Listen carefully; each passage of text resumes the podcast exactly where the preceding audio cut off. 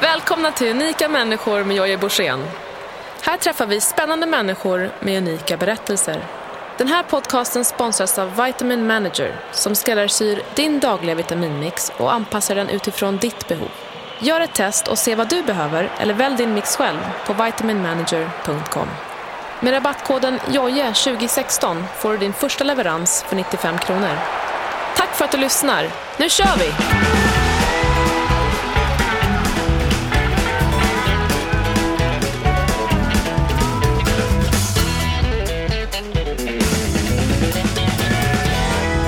Välkomna ska ni alla vara till eh, den här podden med mig, Jojje Borssén. Podden heter ju Unika människor och eh, idag så har vi en underbar gäst som är brun och väl, vältränad som vanligt. Han heter Claes Björling. En väldigt unik människa och jag ska ta och presentera Claes alldeles strax. Välkommen! Tack så jättemycket. Claes är ju en, eh, en idrottsatlet utan dess like skulle jag vilja säga. Han eh, hållit på med många olika idrotter och älskar, eh, tror jag, idrott överlag. Men framförallt konditionsidrotter har du ju sysslat väldigt mycket med. Absolut, ja. Ironman, längdskidåkning älskar du också. Och nu gör du ju en karriär inom multisporten. Precis, ja. Vi ska utveckla allt det där. Men sen gillar du också väldigt mycket motorsport. Du älskar att köra snöskoter. Ja, snöskoter, motocross, motorcykel på väg och så. Så att, eh, ja, allting som rör sig, både maskiner och mig själv. Vad härligt, härligt. Ja, idag är det alltså Claes Björling som är gäst här i eh, Unika människor. Välkommen!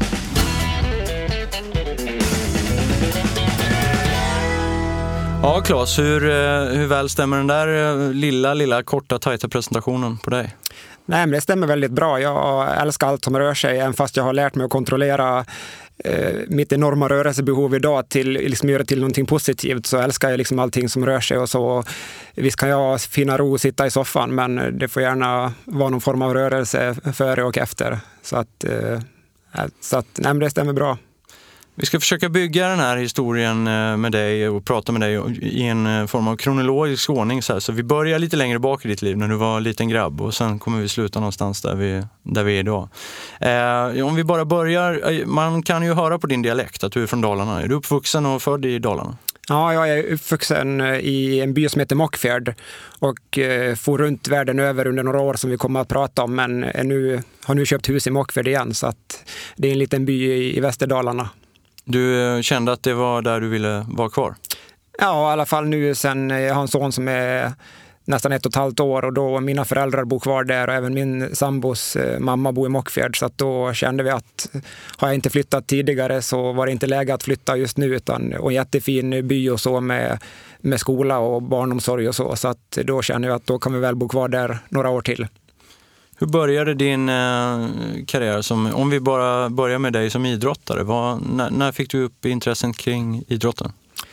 Ja, idrott, det beror ju på hur man, eller vad man liksom sätter för ord på det. Men eh, eh, på något sätt så har jag egentligen, man kan säga att jag har tränat hela mitt liv. Men eh, det var först när jag var 18-19 år som jag började på att skriva träningsdagbok. Före det så var det ju bara spontan lek och och rörelse som många skulle kalla träning. Men eh, det var inte så att jag bytte om och åkte till ett gym eller åkte till en klubbträning, utan eh, bara var aktiv på min fritid. Och eh, det var liksom allt från, jag började åka motocross när jag var fyra år bland annat, men det var liksom aldrig någon tävlingsverksamhet. Ändå så åkte jag mer eller mindre varje helg på lokala crossbanor och så, just för att jag tyckte det var så kul. Och snöskoter började jag tidigt med på vintrarna ute vid sommarstugan och och, och, just det här att eh, visst, det började på att komma lite tv-spel och så när jag var lite yngre, men det var ingenting som riktigt lockade mig, utan ja, min generation var ju fortfarande en generation som var ute och lekte väldigt mycket, både från väldigt små år till att man var upp mot tonåren, så, så var det ju så jag bedrev min fritid. När gick eh, liksom idrotten eller den här rörelsen över till lite mer eh, ja, organiserad form av tävlingar och träningar och så vidare? Mitt första tävlingsminne så, och faktiskt en viktig del i resten av min idrottshistoria och också där kan man då se vad skolan kan betyda och, och så. Men det var i, i högstadiet. Eh, då hade vi ett, en friluftsdag där vi vart utkörda med buss en mil ut i skogen kan man säga och sen eh, tog vi oss tillbaka till skolan eller eller lokala idrottsarenan och eh, det var liksom en, en mil bort ungefär. Och det var, ja, vissa de sprang och vissa de gick, och, men liksom det var en, en sån dag. Och då ja, från att jag hade växt upp och fått en ganska bra kondition så från, från min eh, fritid eh, så, ja, så, så, var mitt mål liksom att springa den där milen när jag gick i sjuan. Och det var, jag sprang nästan hela tiden, fick gå ett par gånger och sådär. Men eh, tänkte inte så mycket mer på det förrän det var dags för samma friluftsdag i årskurs åtta. Och då när det var kanske en månad kvar så då tänkte jag att ja, men nu kommer den dagen igen och då vill jag faktiskt ha en lite bättre tid än förra året. Så då gav jag mig ut och, och tränade liksom löpning, sprang 4-5 kilometer en fem, sex gånger innan den här friluftsdagen. Och eh, jag förbättrade också min tid där.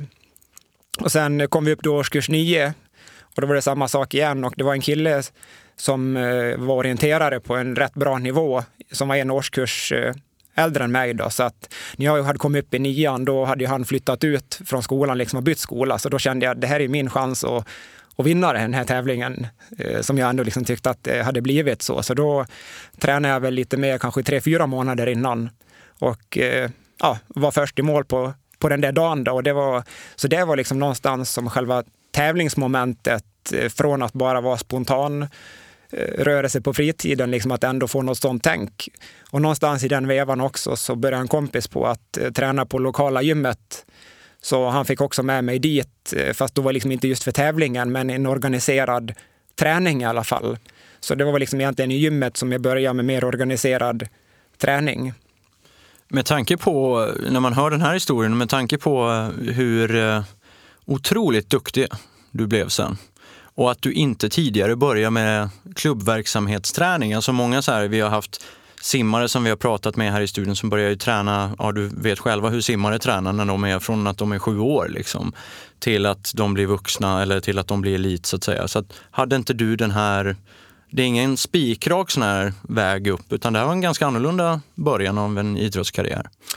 Ja, och det är också det, ibland kan jag säga att jag har haft tur Eh, egentligen ända tills att jag sitter här med med dig idag, att eh, träffat liksom bra människor och så. Och, eh, men någonstans, någonstans så har jag liksom attraherat eh, de här sakerna att komma till mig. För det man ska lägga till i det här är också att eh, jag har inga idrottande föräldrar som har varit med om någon form av organiserad träning eller tävling. Så att eh, det är jag själv som har sökt och som ramlade in liksom ifrån det här med högstadiet och fick liksom smaka på lite det här med tävling och så. Och någonstans har det då triggat eh, den här drivkraften som jag haft inom mig och det har då fört mig till, eh, till nya nivåer, både på tävlingar men också då sökt mig till eh, nya, vad ska man säga, fått nya kontakter med de som har hållit på just med, här, med idrottandet som jag har gjort. Och sen har, den, eh, fått en ny, har jag fått en ny förståelse för träning genom den personen och så har det lett mig till, till nästa nivå. Och så har liksom det, så att, eh, det är en intress väldigt intressant eh, väg och liksom trappa om jag tittar tillbaks från de där unga åren. Mm. Eh, och om vi bara hoppar lite och spolar lite, vi kommer tillbaka till den här perioden efter, efter vad som hände efter nian, men det har ju gått väldigt bra för dig. Och det har ju, du har ju eh, flera titlar på Ironman-distans. Eh, jag kan inte hela din meritlista. Du får gärna skryta lite. Ja, den meriten som jag är mest stolt över eh, så rent resultat som är det bästa på ett sätt, det är att jag hade det svenska rekordet på just Ironman-distansen då, från 2005 till 2012. Och då har jag ändå Sverige fostrat en hel del bra triatleter genom åren. Så att det är en jätte, jättebra merit som jag är stolt över. Och sen också... Och det var 8, 15? Ja, 8, 15, 59. Ja. Och det man ska lägga i den tiden också, lite som ändå hör till sammanhanget, är att jag växte ju alls inte upp som, som någon simmare. Så att jag gjorde också den förhållandevis bra tiden med en förhållandevis liksom långsam för att vara bland proffsen, långsam simtid. Så att det. det. har ju alltid följt med mig även i totala resultat, men även liksom får ju en jättebra tid, eh, vilket ändå 8.15 är. Så att, eh, det skvallrar lite också om vilken nivå jag lyckades få upp min cykel och framförallt eh, löpning till. Då. Men, eh, Precis, om vi pratar lite om löpning, du har ju sprungit otroligt fina tider på 10 000 och eh, även maraton. Ja, ja precis. Den, den bästa löptiden egentligen, om man ser så sett, är ju halvmaran som jag har gjort 1.07 på. Mm. 1.07.15 och 10 000 fick jag aldrig till något riktigt, riktigt maxlopp, men jag har gjort 31.15. Det är landslagstid idag, nästan. Ja, precis. Jo. Och, eh, men eh, kanske, ja, om man nu ska titta på en, en, riktigt bra merit också, är att som jag som junior i M22-klassen så vann jag Lidingöloppet. Och det är ju en otroligt stor terrängtävling givetvis. Då, så att, eh, jag tror det var en lättländare som jag slog i spurten där. Och, och just också i, i sådana unga år innan jag själv knappt visste att jag sysslade med någon tävlingsverksamhet så var det intressant att stå överst på den prispallen och bli intervjuad av de här som trodde de kunde löpning innan och utan och fick liksom mikrofonen i ansiktet och när jag frågade liksom Claes Björling, vem är det? Och, ja, en kille från Mockfjärd, liksom, vad, vad, skulle jag säga? Ja. Han hade förväntat sig någon, någon lång utläggning där om träning och så, men jag, jag hade inte så mycket, liksom, jag hade varit hemma i skogen och, ja. och tränat.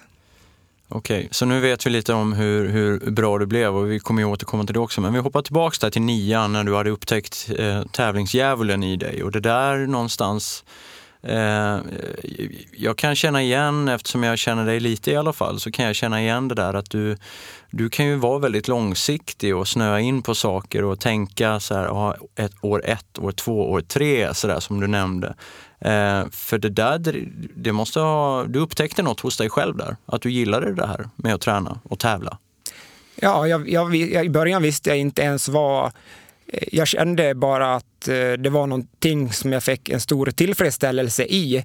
Och givetvis träningen i sig gjorde ju på något sätt att jag eh, jag ska inte säga att jag har haft liksom, att jag skulle sätta någon diagnos på mig, att jag har svårt att sitta still i skolan på det viset. Men ändå så har jag, just när jag upptäckte liksom rörelse och även då liksom organiserad träning så, så kände jag mig liksom ännu mer eh, komplett på något sätt. Som att jag hade hittat en bit hos mig själv. Eh, för går jag tillbaka också till redan till lågstadiet så eh, jag var liksom den här grabben som flöt runt någonstans i mitten, men jag var också väldigt bestämd. Till exempel i årskurs tre tror jag, då, ska, då är det liksom mer eller mindre obligatoriskt att man ska spela blockflöjt. Men jag ville bara inte Eh, Eh, och då gjorde jag inte det. Så att när alla andra gick och spelade satt jag och ritade. Och sen även liksom mellanstadiet, det var ju populärt bland killarna att spela innebandy och sådär på, på rasten och så. Men ja, ibland var jag med och ibland gick jag och hoppade hopprep med tjejerna eller gjorde någonting annat. Så att, eh, och det var väl liksom för att jag inte fick riktigt tillfredsställelse liksom i de bitarna. Det var liksom ingen, och jag vet inte vad, men någonstans så var det väl sen att när jag började fick liksom träna och träna mig trött som jag, det var liksom det jag kanske hade sökt Eh, på olika mm. sätt liksom, eh, när jag var yngre också. Då. Men sen när jag började gymnasiet, då hamnade jag i samma klass som en eh, elitkanotist. Och han och jag fann varandra väldigt snabbt, så det var liksom min... Vem var det? Det var Johan Eriksson. Han var med till OS i, i Sydney 2000. Och, men sen efter det la han av, tyvärr alldeles för tidigt. Men han, hade, han var en av dem som satsade från unga år och då kände han att ja, då hade han liksom hållit på så många år tyckte han och ville gå vidare. Så han vart väl aldrig, fick aldrig ut sin fulla riktigt potential så. Men, var det ett idrottsgymnasium du gick? Då? Nej, det, nej. Var, eh, det var en teknisk linje. Ja. Så att det var inget idrottsgymnasium så. Sen hade väl han lite specialdeal ändå med skolan. Kunde få lite mer ledigt och så. Men, mm. men det var bara tur. Återigen ett sånt där möte som har fostrat mig. Att, eh, så han var väl den första som jag träffade som verkligen bedrev elitverksamhet eh, Eh, med, det, med sin idrott så att säga. Och då fick jag insikt i det och vi, han tränar också då en, en hel del på gym, ingick liksom i hans träning, så vi tränar mycket ihop. Och, men det var också han som fick mig att liksom in lite mer på det här med löpning och liksom tider och sådana här bitar. För de körde en del eh, löpträning också på vintern och så. Men, så att han, han var en av dem som också tidigt liksom satte ett visst tankemönster. Att, och jag visste hur mycket han tränade och liksom vad man behövde träna för att komma på den nivån som han var. Och då, som sagt var, liksom, det var mitt, min första kontakt med liksom elitidrotten. Och, och det var liksom också någonting där som då någonstans födde, sådde ett frö liksom att shit, det där, jag hade ingen aning om hur jag skulle ta mig dit eller ingen, inte vilken idrott heller, för att då hade jag inte liksom börjat med triathlon. Men någonstans liksom så kittlade liksom den tanken på att tänk liksom att få få göra det här dagligen och på den nivån. Och gymmet kommer ju att spela en ganska stor del av ditt liv. Eh, du började gymma där någonstans i gymnasiet, lite mer seriöst, eh, säger du. Mm. Och vad, eh, vad betyder gymmet för dig? Ja, framför allt då betydde det otroligt mycket för att det var också där eh, som jag fann liksom även nya vänner, men också eh, just gymmet i Mockfjärd, atletklubben Mockfjärd atletklubb har fostrat väldigt många duktiga tyngdlyftare den första var, var väl Rickard Nilsson som än liksom är den bästa som idag jobbar som, eh, inom SOK som fyskoordinator, tror jag det heter. Och, och, så det var liksom mycket sån lyftning där också. Då. Men, men eh, för min egna del så har det framförallt betytt att jag fick, när jag sen började på med uthållighetsträning så, har jag, så kunde jag direkt eh, känna att jag tog åt mig väldigt bra av den träningen. För att styrketräningen, jag hade inte tränat på det sättet att jag hade liksom blivit jättetung och dragit på mig jättestora muskler utan bara var väldigt stark eh, med de musklerna som jag hade. Och när jag började på då att eh, träna längre pass och liksom tuffare pass på cykel och löpning så tog jag åt mig den träningen väldigt bra. Och jag klarade mig nästan helt ifrån skador, vilket också liksom är A och O för att kunna just ta, eh, träna mycket och, och, på något sätt liksom ha bra återhämtning och så. Så att det, det betydde väldigt mycket att jag accelererade så mycket på resultatlistorna, framförallt sen när jag började med triathlon. Och när började du med triathlon om man ska sätta ett datum på det? Ja, det är också någonstans där i gymnasiet, eh, tvåan, trean, så då i, i Säter så finns det ju en, de har ju arrangerat VM i triathlon och allting där. Men eh, Eh, och i samband med, no, med de, varje år har de haft någon form av, av tävling. De har arrangerat SM och sådär också. Men de har alltid haft någon tävling på fredagskvällen som lite mer motionstävling som kallas för Utmaningen. Och då var det en, en eh, kompis hemma i, i byn i Mockfjärd som undrade om vi inte skulle göra en stafett där. Så han simmade, sen var det en annan kompis som cyklade och så sprang jag. Så det var liksom min första tävling liksom inom triathlon.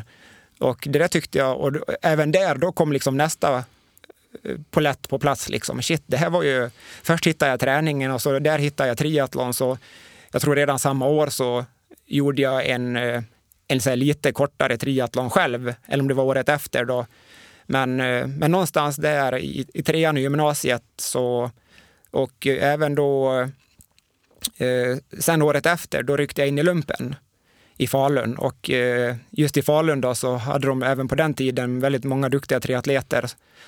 Och, och av någon anledning då så, eller av anledning som eh, Dalarna och triathlon är ju inte så jättestort så, så att då åkte jag på någon motionstävling och så träffade jag eh, de här triatleterna som jag hade läst om i tidningarna senaste året där och så, eh, ja, så kom de fram och pratade med mig för jag gjorde ganska bra på, på de små tävlingarna där de som hade kört som träningstävling och så där. Så... Du blev rekryterad där? Ja, men lite grann så nästan. Och det var väl eh, Jonas Djurback i spetsen och hans pappa Lalle Gren som eh, fick mig då att eh, komma till simhallen. Så det var han, han som liksom tog mig, för i början då bröstsimmade jag bara för att ta mig igenom simningen. Men det var han mm. som tog mig till, till Lugnets simhall och tog mig med på de första simpassen där jag försökte överleva 25 meter crawl men eh, och det här, eh, oavsett hur mycket triathlon du har tränat så har du alltid tränat styrketräning också? Ja, jag precis. Det har alltid varit del av eh, min uppbyggnadsträning. Mm. Och sen när jag kom vidare och kom till Nya Zeeland, USA och, och, och träffade de proffsen där och tränade med dem så hade de också eh, filosofin med just styrketräningen kombinerat till, till triathlon och framförallt då som de såg det just till långdistans triathlon. För det är min, min, min bästa gren inom, inom eh, triathlon och framförallt Ironman eh, blev, eller var från början, trots allt löpningen, även fast jag vägde både 5 och 10 kilo mer än mina medtävlande.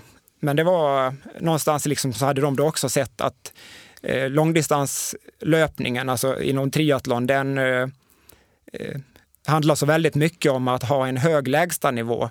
Det är klart man måste ha en hög topp också, men när man har sprungit ett par mil där på maran, då oavsett hur bra löpare man är så, så faller liksom löptekniken ihop om man inte håll, orkar hålla upp kroppen på ett bra sätt. Och där, det är klart man kan bli stark på andra sätt, men just styrketräningen eh, har så otrolig, är så otroligt värdefullt när man kommer liksom några timmar in i loppet. Och mm. för att just kunna fortsätta bibehålla just en bra löpteknik. Och du är ju faktiskt en av de få också i svensk triathlonhistoria som har sprungit en Ironman Mara under 2,50. Ja, precis. Ja. Jag tror inte att det är så många. De går nog att räkna på en hand. Ja. Um, uh, så tillbaks till lumpen här. Då, då gör du, du rycker in, gör lumpen. Vad tyckte du om lumpen?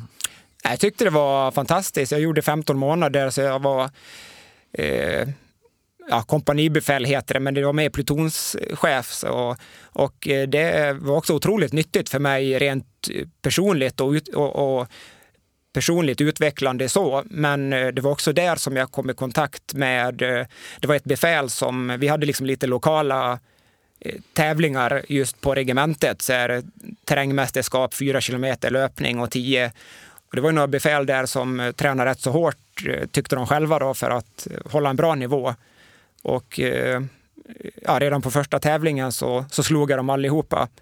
Och då var det ett, sagt, ett befäl som jobbar liksom lite mer som löptränare och så som tog med mig ut på någon, på någon löptävling och gav mig lite träningstips och så där. Så att det, han är också en sån person, då, Peter Hermansson, som tog mig till nästa nivå mm. och eh, just introducerade då ännu mer liksom just eh, ja, tävlings, eh, tävlingslik träning och tog mig ut och liksom, jag fick liksom mer självförtroende. För det var väl det som kanske också gjorde att eh, liksom i början så jag liksom var lite försiktig och så, men genom med de där tävlingarna och hans sätt att jobba så fick jag liksom ett självförtroende och, och liksom jag är duktig på det här faktiskt och någonting jag kan eh, eh, bli ännu bättre på.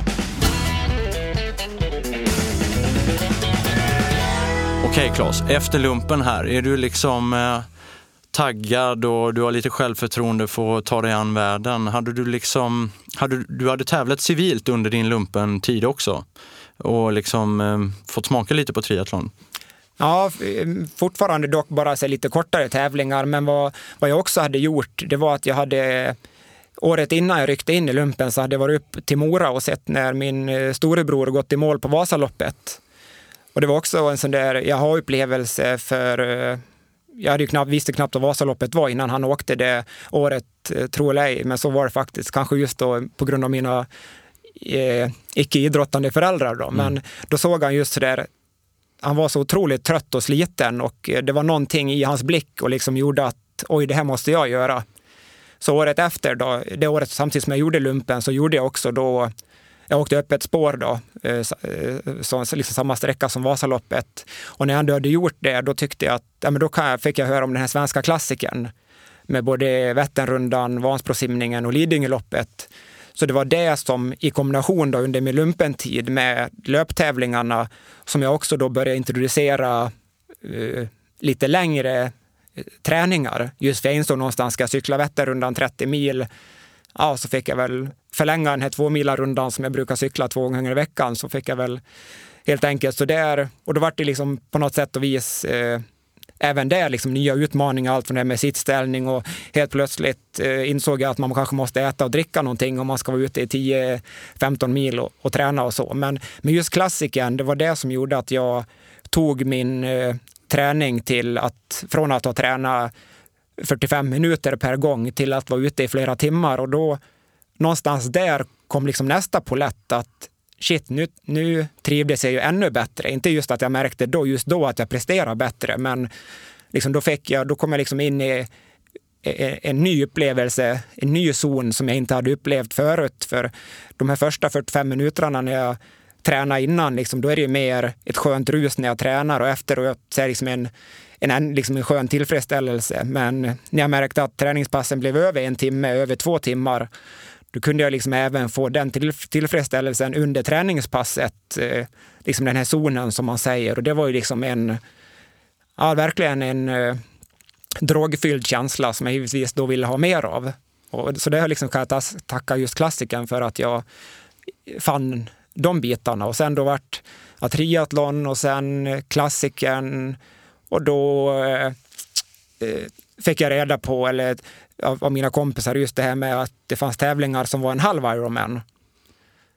Och eh, så då tänkte jag, jo men det vill, skulle jag vilja göra någon gång. Så direkt faktiskt dagen efter att jag hade muckat, nu är vi i mars 99, så jag var 21 år, då, då åkte jag till Mallorca på ett eh, två veckors träningsläger tillsammans med, med två triatleter från Falun.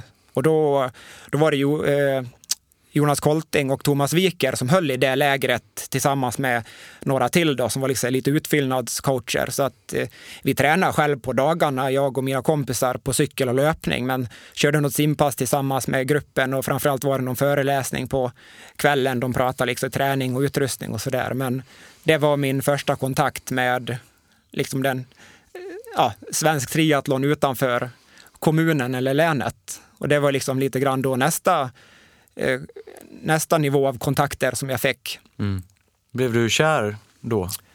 Ja, någonstans där också, för det var ju första gången som jag kom iväg. Det var mitt första träningsläger och faktiskt första gången som jag satt i ett flygplan överhuvudtaget. Eh, bara den upplevelsen, men det, det, det, bidrog väl med någonting annat. Jag skulle få mina flygtimmar så att det var mätt tids nog. Men just det att komma dit och, och bara just ta bort allt med skola och allt med det militära som var, liksom var över så och bara kunna koncentrera mig på att träna varje dag i två veckor liksom var ytterligare en befrielse. Och insåg liksom hur mycket tid jag hade att träna men också hur någonstans där insåg jag liksom också då efter en vecka när de andra började bli lite trötta och slitna.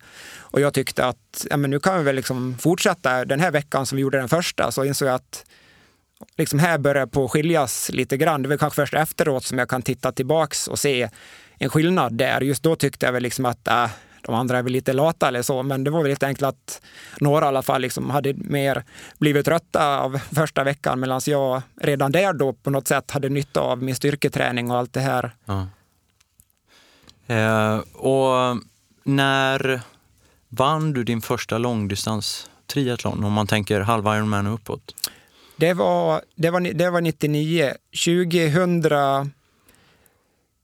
eh, så 99 där då, då körde jag på det lägret och så tävlade jag lite kortare tävlingar hela sommaren och så där. Eh, och eh, min tanke var ju då att liksom gå på lite mer med triathlon, men sen min löptränare där som jag hade då från lumpen, han, han och många andra tyckte att ja, men det är liksom löpning du presterar bäst på. Det här med simning hade jag inte utvecklat till någon speciell nivå än och visst kunde jag ju cykla liksom så, men det var ju löpning som jag definitivt hade mest potential för och presterade bäst liksom som enskild gren också. Så ja, de liksom sa, sa liksom vad, vilken nivå jag kunde komma upp till och så där. Och så då 2000, så då, då drog jag tillbaka simning och cykelträning lite grann för att just satsa lite extra på löpningen. och det var det året också som jag gjorde 1.07 på, på halvmaran. Så det, jag kapade mitt personbästa med en och en halv minut eh, genom att specialisera mig lite mer på löpningen. Då. Fortfarande med ett eller två cykel och simpass per vecka. Men hur stod sig, om man bara, hur stod sig 1.07 då i Sverige på halvmaran? Var det... Ja, det... Det jag vet eh, just i det loppet, det var att jag spurtslog Anders Salkai.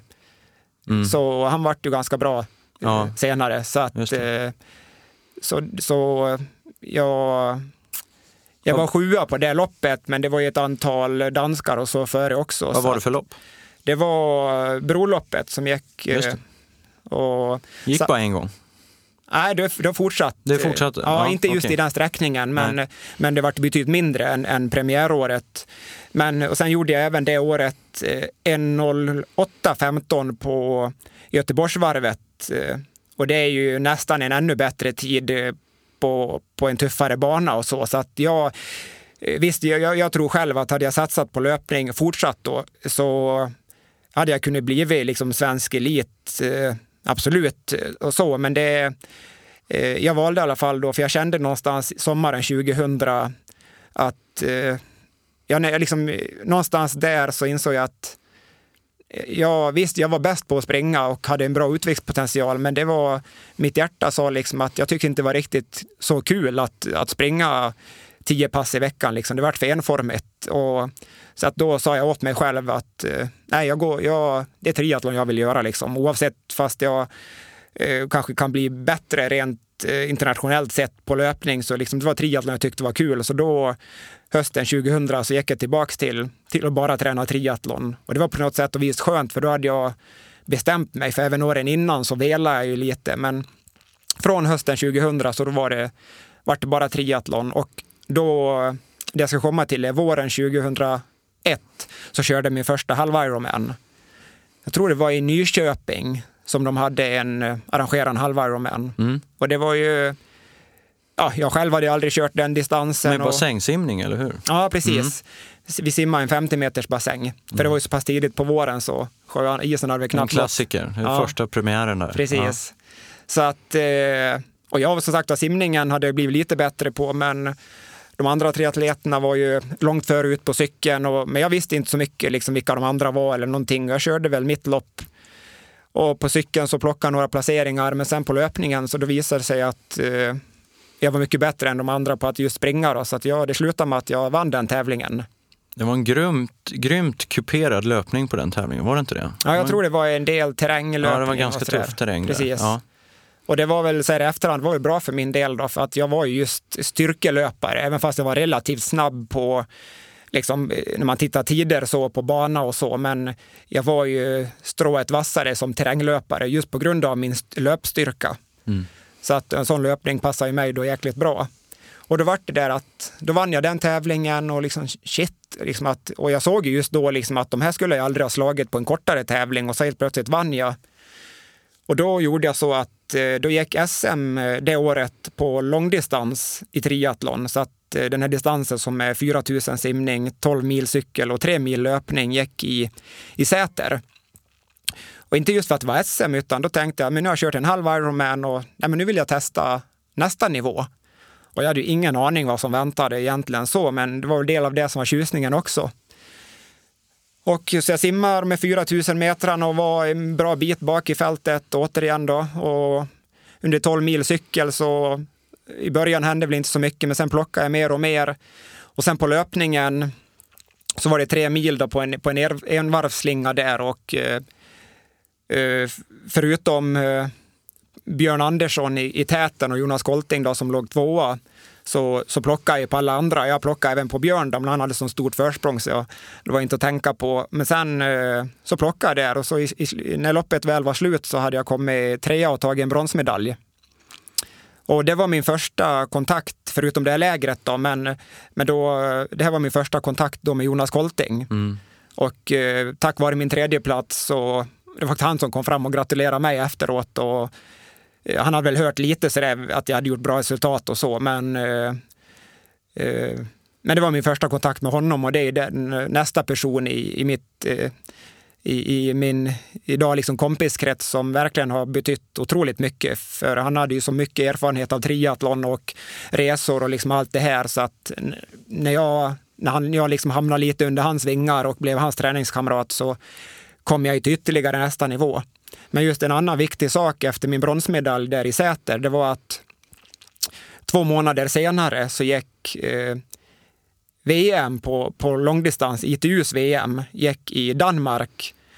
Och det var första och förmodligen enda gången som just ITU hade valt att lägga sitt långdistans-VM på Ironman-distansen. Mm -hmm. Ja, just det. Ja, och eh, det var Thomas Wiker som var för förbundskapten då för långdistanslandslaget. Och eh, i och med min tredje plats, eh, jag hann inte vara i mål många minuter förrän han kom fram och frågade mig, du Claes, vill du eh, följa med och köra VM i, i Fredricia i Danmark om två månader? Och jag hade liksom precis gjort min eh, livs längsta triathlon-tävling och så visste jag att en Ironman är betydligt längre än så, så att jag sa ge mig liksom några dagar att tänka på det i alla fall. Men eh, jag kände ju redan när han frågade att någonstans inne i mig så var det liksom, ja, det var ju det jag ville liksom. Mm. Jag behövde bara hämta andan lite. Så att eh, dagen efter så ringde jag till honom och sa att du, jag, jag hakar på. Mm. Och eh, mycket riktigt då, två månader senare så åkte vi till, eh, till Danmark och eh, jag hade ju ingen aning vad som väntade återigen där. Det var ju helt eh, mark, liksom jag tänkte springa ett maraton efter 18 mil cykel. Det, ja, eh, det är ju sån ovisshet så jag trodde inte ens jag skulle, liksom, det skulle funka. Och eh, så, men eh, och jag, jag, liksom, jag hade Thomas hade liksom inga, han visste ju vad jag hade presterat på SM och så. Och han satte liksom ingen ytterligare press på mig utan jag var liksom den han ville skicka dit fyra, fyra man för det var det så många som... Vem var den fjärde? Om det var Björn, Jonas och du? Nej, det var faktiskt så att Björn, det var han som eh, skulle ha fått min plats. Jaha, okay. Men han valde att tacka nej. Mm. Så att jag fick Björns plats. Tack Björn. Mm. nej, så att det var Jonas Kolting då var uttagen och sen Martin Flinta. Mm. För han hade gjort 8.59 eh, någon månad tidigare på en tävling. Och sen var det Claes Myrestam. Just det. Var uttagen. Och sen var det Björn som skulle ha den fjärde platsen. Men då tackade han nej så fick jag den. Så att det var vi fyra som åkte dit. Mm. Och det var ett, och som sagt där har jag även Thomas då liksom som trodde på mig och gav mig den möjligheten att, eh, att få följa med. Och eh, tack till ITU då som hade valt just att göra en, en Ironman just på den den tävlingsdagen. Så då fick, vart det naturligt att eh, jag vart, vare sig jag ville eller inte, liksom just köra en Ironman. Och, ja, det gick bra där också. Så att jag placeringsmässigt så jag tror vi var eh, jag tror vi var en 50-60 startande i herrklassen och jag tror jag var 25-30 och sånt där. Vart i alla fall mitt i fältet ungefär. Men det, det var inte det någonstans, och det är det jag, idag som när jag jobbar som personlig tränare just inom liksom Ironman, att det är så svårt på sin första Ironman, eh, eller oavsett vilket barriärbrytande mål man har framför sig, att det är så otroligt svårt att tävla mot andra när, som jag kände att alltså, det här är ju distansen och jag som alltså, jag tävlar emot att mm. klara mig i mål. Ja. Eh, I alla fall så här innan tävlingen. Eh, det är svårt att, att, att, tävla mot andra när man knappt tror själv att man kanske kommer till mål. Ja. Så att, eh, men så att med, med placeringen och så, så jag är väl jättenöjd så här i efterhand naturligtvis. Och, Vad och, gjorde du för tid, vet du det? Ja, jag gjorde... Sub 9? Nej, jag vet att jag, jag simmade på 1.10 och sen cyklade precis under fem timmar och sprang precis under tre. Så att det borde bli 9, jag tror 9.10 eller 9.15. Var det då Jonas tog en medalj? Ja, precis. Ja. Han tog brons, ja. Brons. Mm. Mm. Och jag vart faktiskt eh, andra svensk i mål. Mm. Just det. Och, så, och det var roligt också sen, då, för sen på prisutdelningen så sagt att Jonas tog brons individuellt och eh, jag, Claes Myrestam och Jonas tog ett silver i, i lagtävlingen. Mm. Så att eh, jag har faktiskt ett, en, eh, tidigt där en, en eh, silvermedalj från från lagtävlingen på VM. VM, ja, bra. Men det vart eh, återigen, alltså, när, när jag väl hade slickat såren från den tävlingen så, så kände jag liksom att shit, det här var ju det här var verkligen liksom min grej, för jag hade ju märkt där också att jag var, jag tror det stod en cykel kvar i vecklingsområdet när jag kom upp efter simningen. Och när jag kom in efter cyklingen så, så var det väl kanske, så hade vi cyklat om 20 pers, det kanske ja. stod 40 cyklar inne där då. Sen när jag kom i mål som jag sa 25-30 så att insåg jag verkligen att shit, det här är ju, nu plockar jag liksom ännu mer. Och, men det var inte det som var det viktiga heller, utan just det att jag kände själv liksom kicken och tillfredsställelsen efteråt. Och, och det var, gick bara någon vecka efter den tävlingen så ringde just Jonas eh, Kolting då frågade om jag inte skulle med till eh, Nya Zeeland den vintern. Mm och eh, träna någon månad och sen avsluta med att köra Ironman eh, mm. på Nya Zeeland i början av mars. Och det har också varit också just det här min, min personlighet och just det här att eh, om jag säger att jag haft tur eller inte, men jag har eh, varit alldeles för nyfiken för att kunna säga nej till saker. Utan alltid liksom jag hoppar på varje möjlighet, inte varje, men liksom just sådana här saker som av ren nyfikenhet så tyckte jag liksom shit vad häftigt att få åka till Nya Zeeland och just det här att ha någon som som jag hade fullt förtroende för, som ville att jag skulle följa med. Liksom. Och, så det, jag sa nästan ja på en gång. Jag jobbar halvtid som gympalärare dock, hade jag börjat med då efter, efter lumpen. Så att jag började bara kolla så jag kunde få, få tjänstledigt där någon månad. Men min arbetsgivare var väldigt bra så att jag, så länge jag kunde fixa en vikarie under de månaderna så fick jag åka. Så att vi drog iväg där. Jag åkte ner till, till Jonas i Borås och så flög vi iväg någonstans i början på januari 2001. Så var vi där nere och tränade och även Martin Flinta kom ner efter någon, eh, någon vecka. Så att det, var, det var jag, Jonas och, och, och Martin Flinta då, som, som tränade ihop i Christchurch på Nya Zeeland. och bodde hemma då hos en kille som hette Gordo som jag givetvis aldrig hade träffat innan. Men på något sätt så fann han och jag mig, jag mig väldigt bra där. Och, eh, så att jag lärde känna honom väldigt bra under den vistelsen. Eh, men eh, sen, sen bröts vår kontakt då när, för vi flög upp till Tapp och körde tävlingen i början av mars. Och på den tiden så körde jag som, eh, som motionär, som age group som det hette. Och jag var, jag var 23 år så att jag körde i den yngsta age som är från 18 till 24 år. Och jag vann den eh, åldersklassen och eh, visste då redan innan eh, att lite av Jonas tanke med att åka dit eh, eh, också var att eh, kvala till VM på Hawaii. Och då hade jag förstått liksom att man fick köra någon liksom av de här kvaltävlingarna för att få en, placera sig i någon viss placering för att få en, en plats till VM. Så att Jonas, eh, han var tvåa i proffsklassen, gjorde, ett, gjorde väl ett av sina bättre lopp faktiskt. Det var eh, tvåa efter Cameron Brown och fick sin kvalplats till Hawaii i proffsklassen och jag vann min age group och eh, kvalade då som i, i den åldersklassen till Hawaii. Så tanken var att ni skulle åka till Hawaii tillsammans på hösten? Där? Ja, precis. Ja. Ja, eller ja, ja, det var, det var hans tanke. Ja. Jag, som sagt var, det var min andra Ironman så att jag visste väl inte riktigt vad Eh, liksom att eh, Hawaii är all ära, liksom, men för mig att åka till Nya Zeeland var ju en minst lika stor eh, resa framför mig som, som liksom Hawaii. Men det var klart, eh, återigen, jag har väl inte, jag hade inte tidigare sagt nej till, något, till någon som hade eh, velat ha mig med någonstans. Och eftersom jag då kvalade också på Nya Zeeland, då var det definitivt att, ja, då var det klart att vi skulle åka till Hawaii. Och det var ju liksom då bara nästa steg att shit, nu ska vi åka till Hawaii också och, och, och köra VM. Men eh, ja, men det var ju senare på den hösten då, så det var ju ett halvår mellan tävlingarna. Så, eh, så efter tävlingen på Nya Zeeland åkte jag hem till Sverige. Sen skedde väl inte så mycket mer den sommaren egentligen. Kanske lite träning? Ja, precis. Mycket träning, absolut. Jo, det var det. det. Och jag vet att jag och Jonas, vi eh, sågs, eh, åkte ner och, och tränade med honom ett par veckor och sådär. Och sen, jag tror jag fyra eller fem veckor innan tävlingen skulle gå på Hawaii så, så åkte vi just till Hawaii och var en månad innan och, och tränade på ön och så och, och akklimatisera oss och så där. Sen, sen körde vi tävlingen och eh, eh, tyvärr fick Jonas bryta. Han hade en skada innan i, i sätesmuskeln så han fick bryta på cykeln. Men för min egna del så, så gick det så bra där också att jag eh, vann min åldersklass och eh, fick ta emot den fina trofén där på prisutdelningen dagen efter. Och I och med det här också, jag hade fått lite sponsorer eh, redan åren innan så lokala. Men i och med den här vinsten på Hawaii så en redan sponsor som jag hade, Mockfjärds Fönster, de eh, eh, ville supporta mig ännu mer då, så att då, då sponsrade de mig mer så att jag faktiskt kunde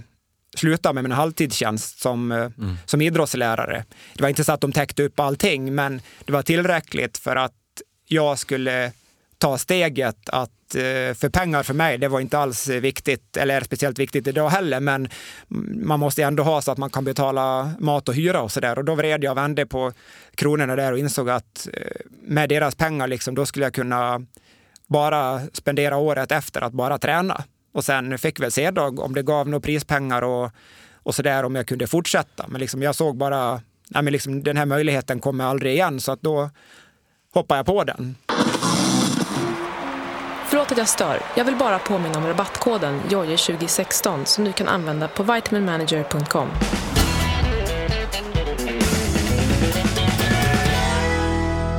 Vad skulle du säga till dig själv idag, några 10-15 år senare? Vad skulle, skulle du gjort något annorlunda? Nej, inte så långt. Eh... Inte just där? Nej, nej, precis. Nej. Och det jag måste också säga det är att eh mina föräldrar, man, man, eh, de har ju, nu när jag själv är, är förälder sedan ett och ett halvt år tillbaka, så, så några som jag verkligen måste uh, ge liksom all, nu har jag gett all kärlek till dem ändå, men liksom, uh, några otroligt starka personer, det är ju mina föräldrar som uh, inte alls liksom har idrottsbakgrund, men just när det gäller det här med barn, oavsett om man är tränare till barn och ungdomar eller sina egna, just det här att eh, jag har aldrig hört dem säga att eh, varför gör du det här? Varför går du inte i skolan? Eller det här att om jag eh, vill åka till någon tävling och gör, för, liksom, eller jobba mot ett visst mål, att de har sagt att nej, det där går inte eller det där är omöjligt. Utan de har bara från första tävlingen som jag har gjort bara liksom stöttat och inte alls på ett pressande sätt, för de har knappt liksom, de har brytt sig om jag har tyckt att det gått bra eller inte, så klart de har tyckt att det var kul om det gick bra, om jag tyckte det gick bra. Men de har aldrig, de har varit för, nästan för dåligt insatta för att ens kunna bry sig om resultatet utifrån, utan de har bara liksom skjutsats och stöttat och funnits där eh, när jag har tyckt att det gått bra och delat min glädje och när det gått mindre bra, ja men då har de, ja, då har de funnit sig i det liksom. Så att, eh, och det har ju liksom på något sätt, eh, så det gjorde ju, just på tal liksom ångra saker, att jag har så mycket att tacka för. För att, eh, som jag säger nu återigen, när jag är pappa så, eh, så får jag verkligen anstränga mig för att vara lika bra där, att liksom verkligen kunna, och lika med de som jag coachar, liksom barn och ungdomar generellt sett, att det är så otroligt viktigt att eh, när man är ung och så där, att man ingen dröm får vara för stor. Sen kanske de flesta kanske inte liksom når dit, men det är inte det liksom att man måste få drömma och för någonstans, tittar jag på mig själv så så ledde det allting liksom hela vägen fram och jag satte upp nya mål och drömmar och sådär. Och det har ju kanske räckt då att någon i mina unga dagar när jag inte var så självsäker liksom har sagt något dumt eller liksom bara Ja, det har ju räckt, räckt med liksom, vad håller du på med det där för? Eller tror att du ska bli något, eh, kanske har räckt för att liksom tippa över mig. Så att det har mer varit åt andra hållet. Och liksom, eh, återigen, de, eh, jag, jag har aldrig suttit på ett flygplan och sen med okända vänner från de sätt i alla fall dra med mig till Nya Zeeland liksom, på andra sidan jordet en månad och de bara, ja men det är klart du ska åka om du vill. Liksom att, så att eh, de har väldigt mycket att tacka för under hela resan. Men just det här när jag tog steget och blev proffs, det var ju, det var ju som en dröm som gick i uppfyllelse. Och eh, jag förstår lite vad du är inne på eh, när du säger liksom om jag tittar tillbaks på det där idag. Och lite grann så gick väl min resa lite för fort. Eh, just det här med att allting gick så bra, jag tog åt mig så, hårt, så bra av träningen. Och, du tränade kopiöst mycket. Ja, väldigt mycket. Du är nog en av de få jag hört som har tränat så mycket. Alltså det är väldigt få jag menar, man brukar prata om Gunde Svan och de här människorna, hur hårt de tränar och så här. De, de har ju fått ganska mycket erkännande och uppmärksamhet för att de är hårda jävlar och, och kör hårt och så här. Visst gör de det, men jag tror Claes att du, jag tror att du tränade mer än vad de gjorde.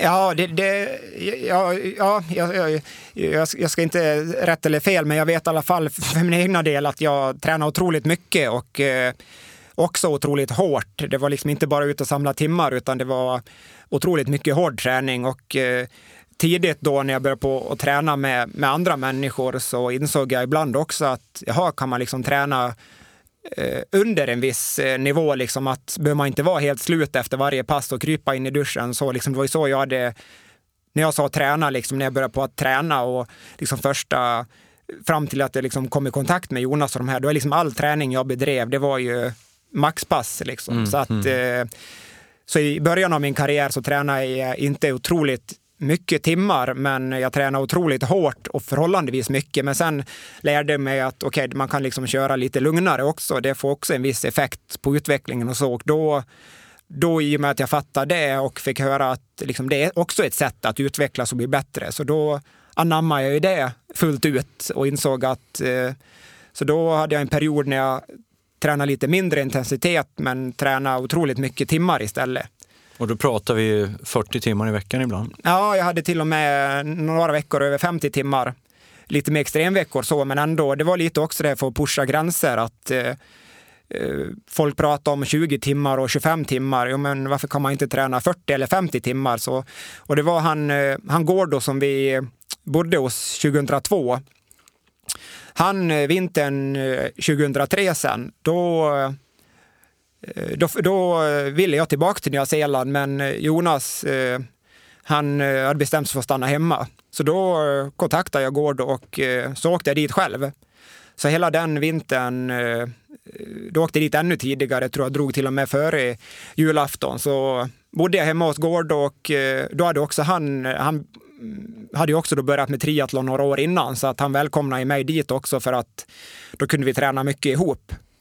Och, och, han, till skillnad mot mig, då, liksom var med sig ännu mer påläst om träning och så. Så att vi, jag kom dit och så varför jag också kunde träna så otroligt mycket, det var för att jag överlät allt ansvar till honom och liksom litade fullt ut på honom. Så att vi, ja, han sa bara till, liksom, nu imorgon då ska vi göra det här och så det här.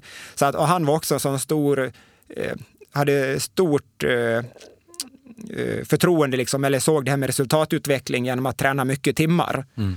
Så det var han och jag som tränade otroligt mycket och sen eh, tyckte jag alltid det var kul att eh, när han var trött så kunde jag alltid träna, eller försökte att träna lite extra för att träna mer än honom. Så att, och som sagt var, det här är ju inget sunt eh, tänkande så här efteråt eh, alltid, att det finns betydligt bättre vägar och framförallt mer hälsosamma vägar att utvecklas och framförallt då bibehålla både hälsan och resultaten på längre sikt. Men... Det du vill säga nu är, testa inte det här hemma alla ni som lyssnar. Nej, visst, man kan testa det en vecka, men då får ni ta en månads vila efteråt.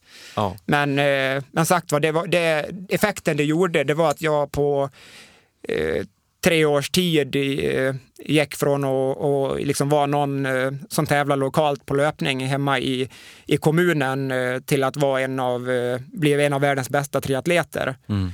Och, och, eh, men återigen, det skulle ju visa sig också ha sitt pris. Mm. Vi ska prata lite om det priset. Vad var det, eh, vilken period och vad var det som hände? Jo, det var ju då, eh, som sagt jag fick ju Mockfirs Fönster som en av mina sponsorer där inför säsongen 2003. På tal om Idrottsgalan var ju här i, i måndags på tv, så att eh, i och med min eh, vinst där på Hawaii 2002 så vart jag nominerad till som årets nykomling på Idrottsgalan som gick då i januari 2003. Så att, ja, vad roligt. Ja, det var den enda svenska triatlet kanske, förutom Lisa som har blivit precis. No nominerad va? Ja, hon, ja. Eh, precis. Och, och eh, som årets kvinnliga eh, idrottare tror jag till och med här för ett par år sedan. Hon hade sitt eh, jättebra år med ja. OS-silver och så. Men eh, så att det, det var också en otroligt, tror, Eh, stor merit som inte har liksom med resultat att göra, men någonting jag är otroligt tacksam för än idag. När jag satt där och tittade på galan så kände jag liksom en enorm stolthet än idag för att eh, det man ska komma ihåg är också då att för eh, idag känner ju nästan alla till, skulle jag vilja säga, har ju hört någonting om triathlon i och med Ironman i Kalmar och Stockholm Triathlon och triathlon har ju växt otroligt. Eh, årets förbund till och med förra året och så. Men 2002 och 2003 där, då, det man ska komma ihåg är att jag blev nominerad trots att eh, triathlon i Sverige var en otroligt liten sport. Mm. Så att jag skulle vilja säga att det var en stor eh, grej för mig, men också ett erkännande för just svensk triathlon. Att bli nominerad då bland de andra stora idrotterna, fotboll och, och sådär. Så att... Också lite speciellt med tanke på att du kom från, du hade nästan bara tävlat på amatörnivå. Ja. Alltså, för idag så räknas man väl, du gjorde ju tider som ett proffs, men du hade inte tävlat som proffs. Nej, nej. nej. men just det som årets nykomling, det är ju det, det blir... kanske ger lite spelrum på det sättet. Ja, precis. Ja. Då, då, är det ju det är precis i sådana som situationer som mig, att man är inte etablerad, utan man har kommit, liksom gjort en, och den liksom ändå vinna på Hawaii som är, liksom, även fast jag inte var proffs, så är det ju liksom världens mest prestigefyllda tävling att vinna på långdistans. Mm. Och, och liksom även åldersklasserna är ju otroligt Eh, prestigefyllda och liksom bra konkurrens och framförallt den yngsta också och de äldsta, de äldre liksom proffsen är någonstans mellan 25 till 35 år liksom. Så att på det sätt och vis så kommer man över 40 och under 25, då blir det liksom till sätt och vis att man bara tävlar mot dem i sin, trots mm. allt som egna ålder. Ja. Eh, lite grann så, nästan som ett junior-VM eller när man kommer över 40 så liksom blir det masters-VM och sådär. Men, men hur som helst, så det, var, nej, det var en riktigt eh, stor merit också som jag är otroligt stolt över än idag. Men då, eh, var var vi någonstans? Då, eh... Jag åkte tillbaka och tränade med Gordo. Just det. Och eh, vi skulle prata lite om den här tuffa perioden. Vad hände där? Det var träning dygnet runt lite? Ja, som sagt, och då, eh, jag ska inte säga att för, från tidigare året innan liksom tränat otroligt mycket med Jonas och lärt mig mycket och vi tränade mycket bitvis och så också, men Jonas var ju mer liksom ändå smart och behövde lite tanke liksom med återhämtning och så. Och Gård och han var liksom inte heller idrottare från början utan sån här som gjorde saker till det extrema. Han jobbade med andra saker inom liksom businessvärlden innan han började med triathlon och då bedrev han det till det extrema och så började han med triathlon och då satte han upp extrema mål där och så ramlade jag in på den resan. Och vi tränade, just det året 2003 så så sa han det när året var slut att han hade tillbringat mer tid med mig det året än vad han hade gjort med sin före detta fru under de senaste tio åren. Mm. Så, ja. att, eh, så vi var de här månaderna på Nya Zeeland. Sen åkte jag hem till Sverige en månad i april och sen åkte jag till honom i Colorado. Han eh, hyrde in sig där i ett hus.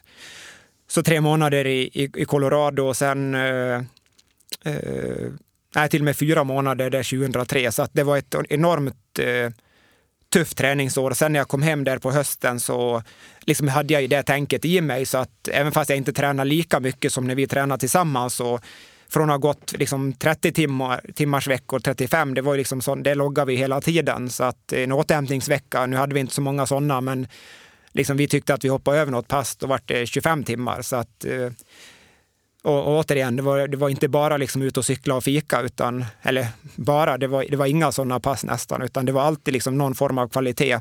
Mm.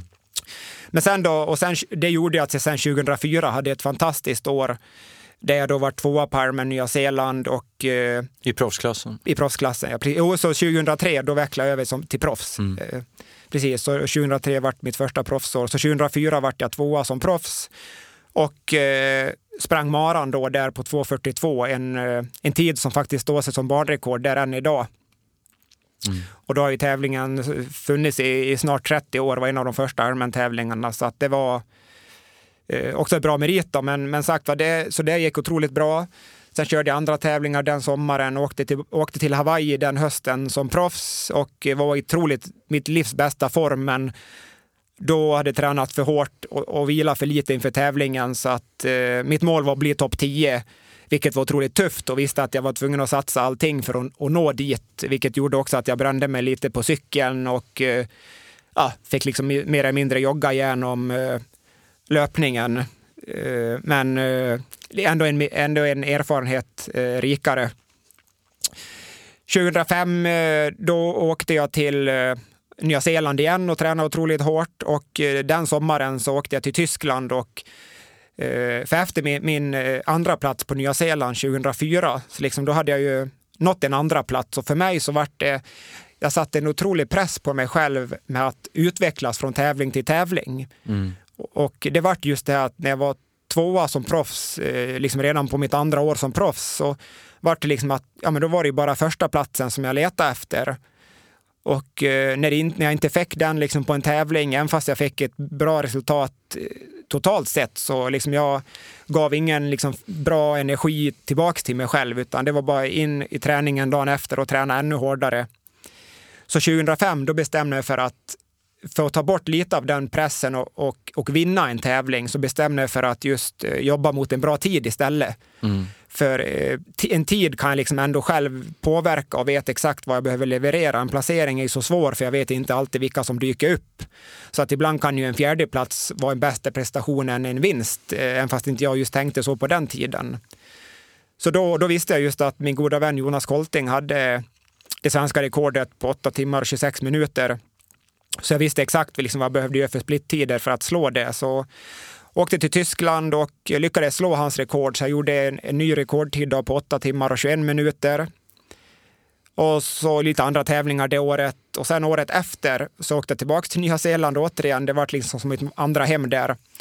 Och eh, träna ännu hårdare. Liksom. Jag hade ju redan i två år tränat i stort sett max vad jag trodde att jag kunde hantera. Men eh, bestämde mig för att, för att få den här första platsen. Tänkte att nu, nu ska de inte ha någon chans. Nu ska jag träna mer än alla andra och hårdare än alla andra så att de kommer liksom inte ha någon chans överhuvudtaget. Och, och eh, det funkar bra i, i två månader, eh, januari, februari, halvvägs in på mars det året, 2006. Men sen eh, fick jag bältros Mm. Och det är ju liksom, har man haft vattkoppor när man är yngre så får man, det får man av ett virus och sen läker vattkopporna ut men det viruset finns alltid i kroppen och sen när immunförsvaret blir riktigt nedkört senare i livet så kommer samma virus upp igen då, fast som bältros. Och det var liksom, jag visste inte det då, men det var liksom en första signal på att kroppen börjar på bli riktigt, riktigt trött. Men jag, ja, jag tog det väl lugnt en vecka och tills blåsorna hade lagt sig lite och det värsta smärtan så började jag på att träna försiktigt och efter några veckor då var det borta. Så då gick jag på med träning igen. Eh, så åkte jag tillbaka till Tyskland och körde på samma bana som året innan och då slog jag mitt egna svenska rekord och gjorde 8.15. Men vet, han knappt i mål förrän jag började på att känna liksom att kroppen vart... Jag var sjuk och lite trött. Ja, trött är inte så konstigt, men liksom på ett annorlunda sätt. Men jag hade en amerikansk flickvän på den tiden som också då var proffs och hon var med mig här hemma i Europa och tävlade den sommaren och då skulle hon köra en tävling i England, en Ironman-tävling två månader efter den tävlingen i Tyskland som jag hade kört och då tyckte jag att jag kände att jag var rejält trött och sliten och så, men jag är i bra form och jag hade inte fått min första plats än och kände att äh, men det är kanske då det ska hända. Så att, tog en lugnare vecka efter Tyskland och så började jag på att träna på, men kände inte riktigt alls att kroppen svarade. Men ja, lyckades han komma fram till, till England och körde den tävlingen och på något konstigt sätt så ställde kroppen ändå upp på vad jag utsatte den för. Och, eh, så jag, jag, fick en andra plats där. Och med samma sak där, det är så otroligt tråkigt att prata så här i efterhand för att det är ju en, jag menar, en Ironman-tävling som proffs. Liksom. Det är alltid bra konkurrens och hårda tävlingar. Men, och tvåa är en fantastisk prestation, men tvåa hade jag ju varit då två år tidigare på Nya Zeeland redan. Så att visst, jag fick 50 000 i prispengar, men som prestation i övrigt så liksom bara helt värdelöst. Jag var ju där för att vinna.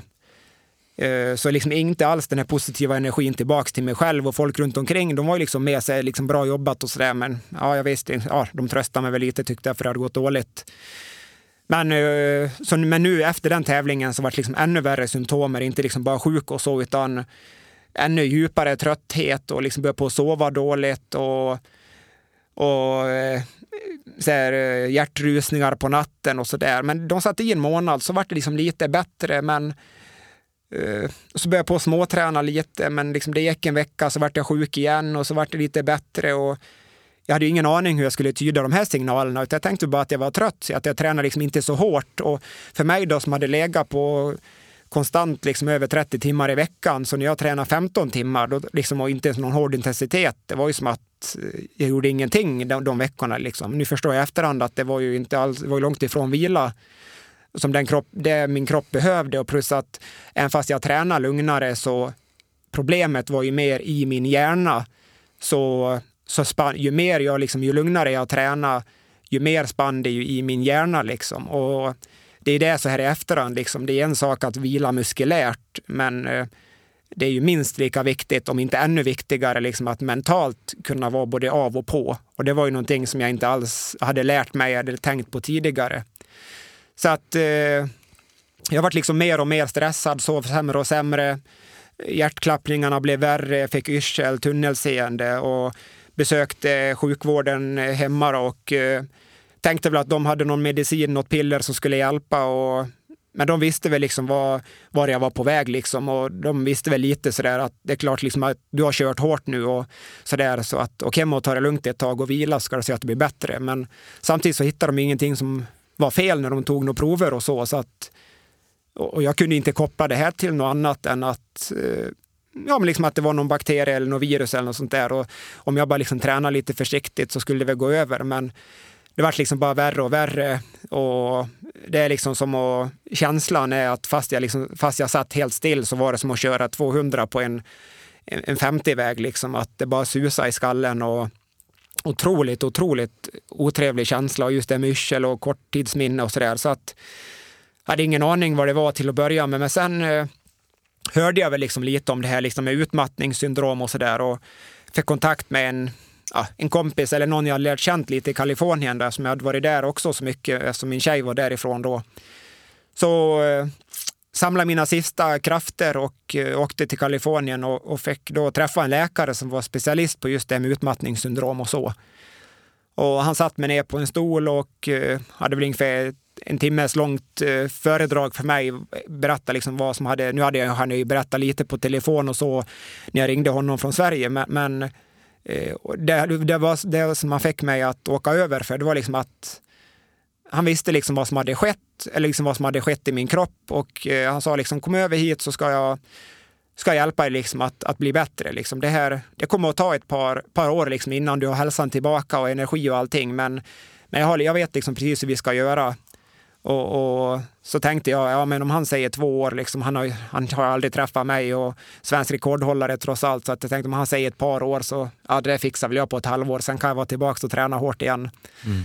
Och här hemma var det ingen som hade hjälpt mig på något bättre sätt. Så att det var därför jag åkte dit. Och då satte jag mig på en stol och berättade precis i detalj vad som hade hänt inne i min kropp. Liksom. För det här var ju, jag trodde liksom att det var någon bakterie eller virus, men jag hade ju helt enkelt liksom blivit utbränd. Alltså jag hade bränt ut mitt stresssystem. Och dels då på grund av hård träning, men jag anser att man kan liksom aldrig hamna där på grund av att man gör någonting otroligt hårt fysiskt. Eh, men vad, vad som skedde för mig, det var dels den här virusinfektionen från bältrosen, fast blåsorna och så gick över på våren. Så eftersom jag fortsatte träna hårt så låg liksom viruset och var lite aktivt. Och sen då efter de här två hårda Ironman-tävlingarna så, så, liksom, eh, vad ska man säga, så, så kostar viruset ännu mer liksom energi och resurser av min kropp. Plus då att i och med att jag började själv på att, jag menar på den här tiden levde jag ju helt, var helt beroende av en fungerande kropp och liksom inkomsten kom därifrån, min tjej var proffs. Så att eh, jag, och jag såg så kortsiktigt bara att jag tänkte liksom att om inte jag kan träna och tävla, då kommer ju, vad ska jag då få pengar ifrån och hur ska det gå med vår relation och så konstiga tankar. Så att när jag då började på känna att kroppen protesterar mot träning, fast jag tränar mindre och mindre, så vart jag mer och mer stressad. Så att det var liksom den komponenten som sen gjorde att eh, hela stresssystemet kollapsade.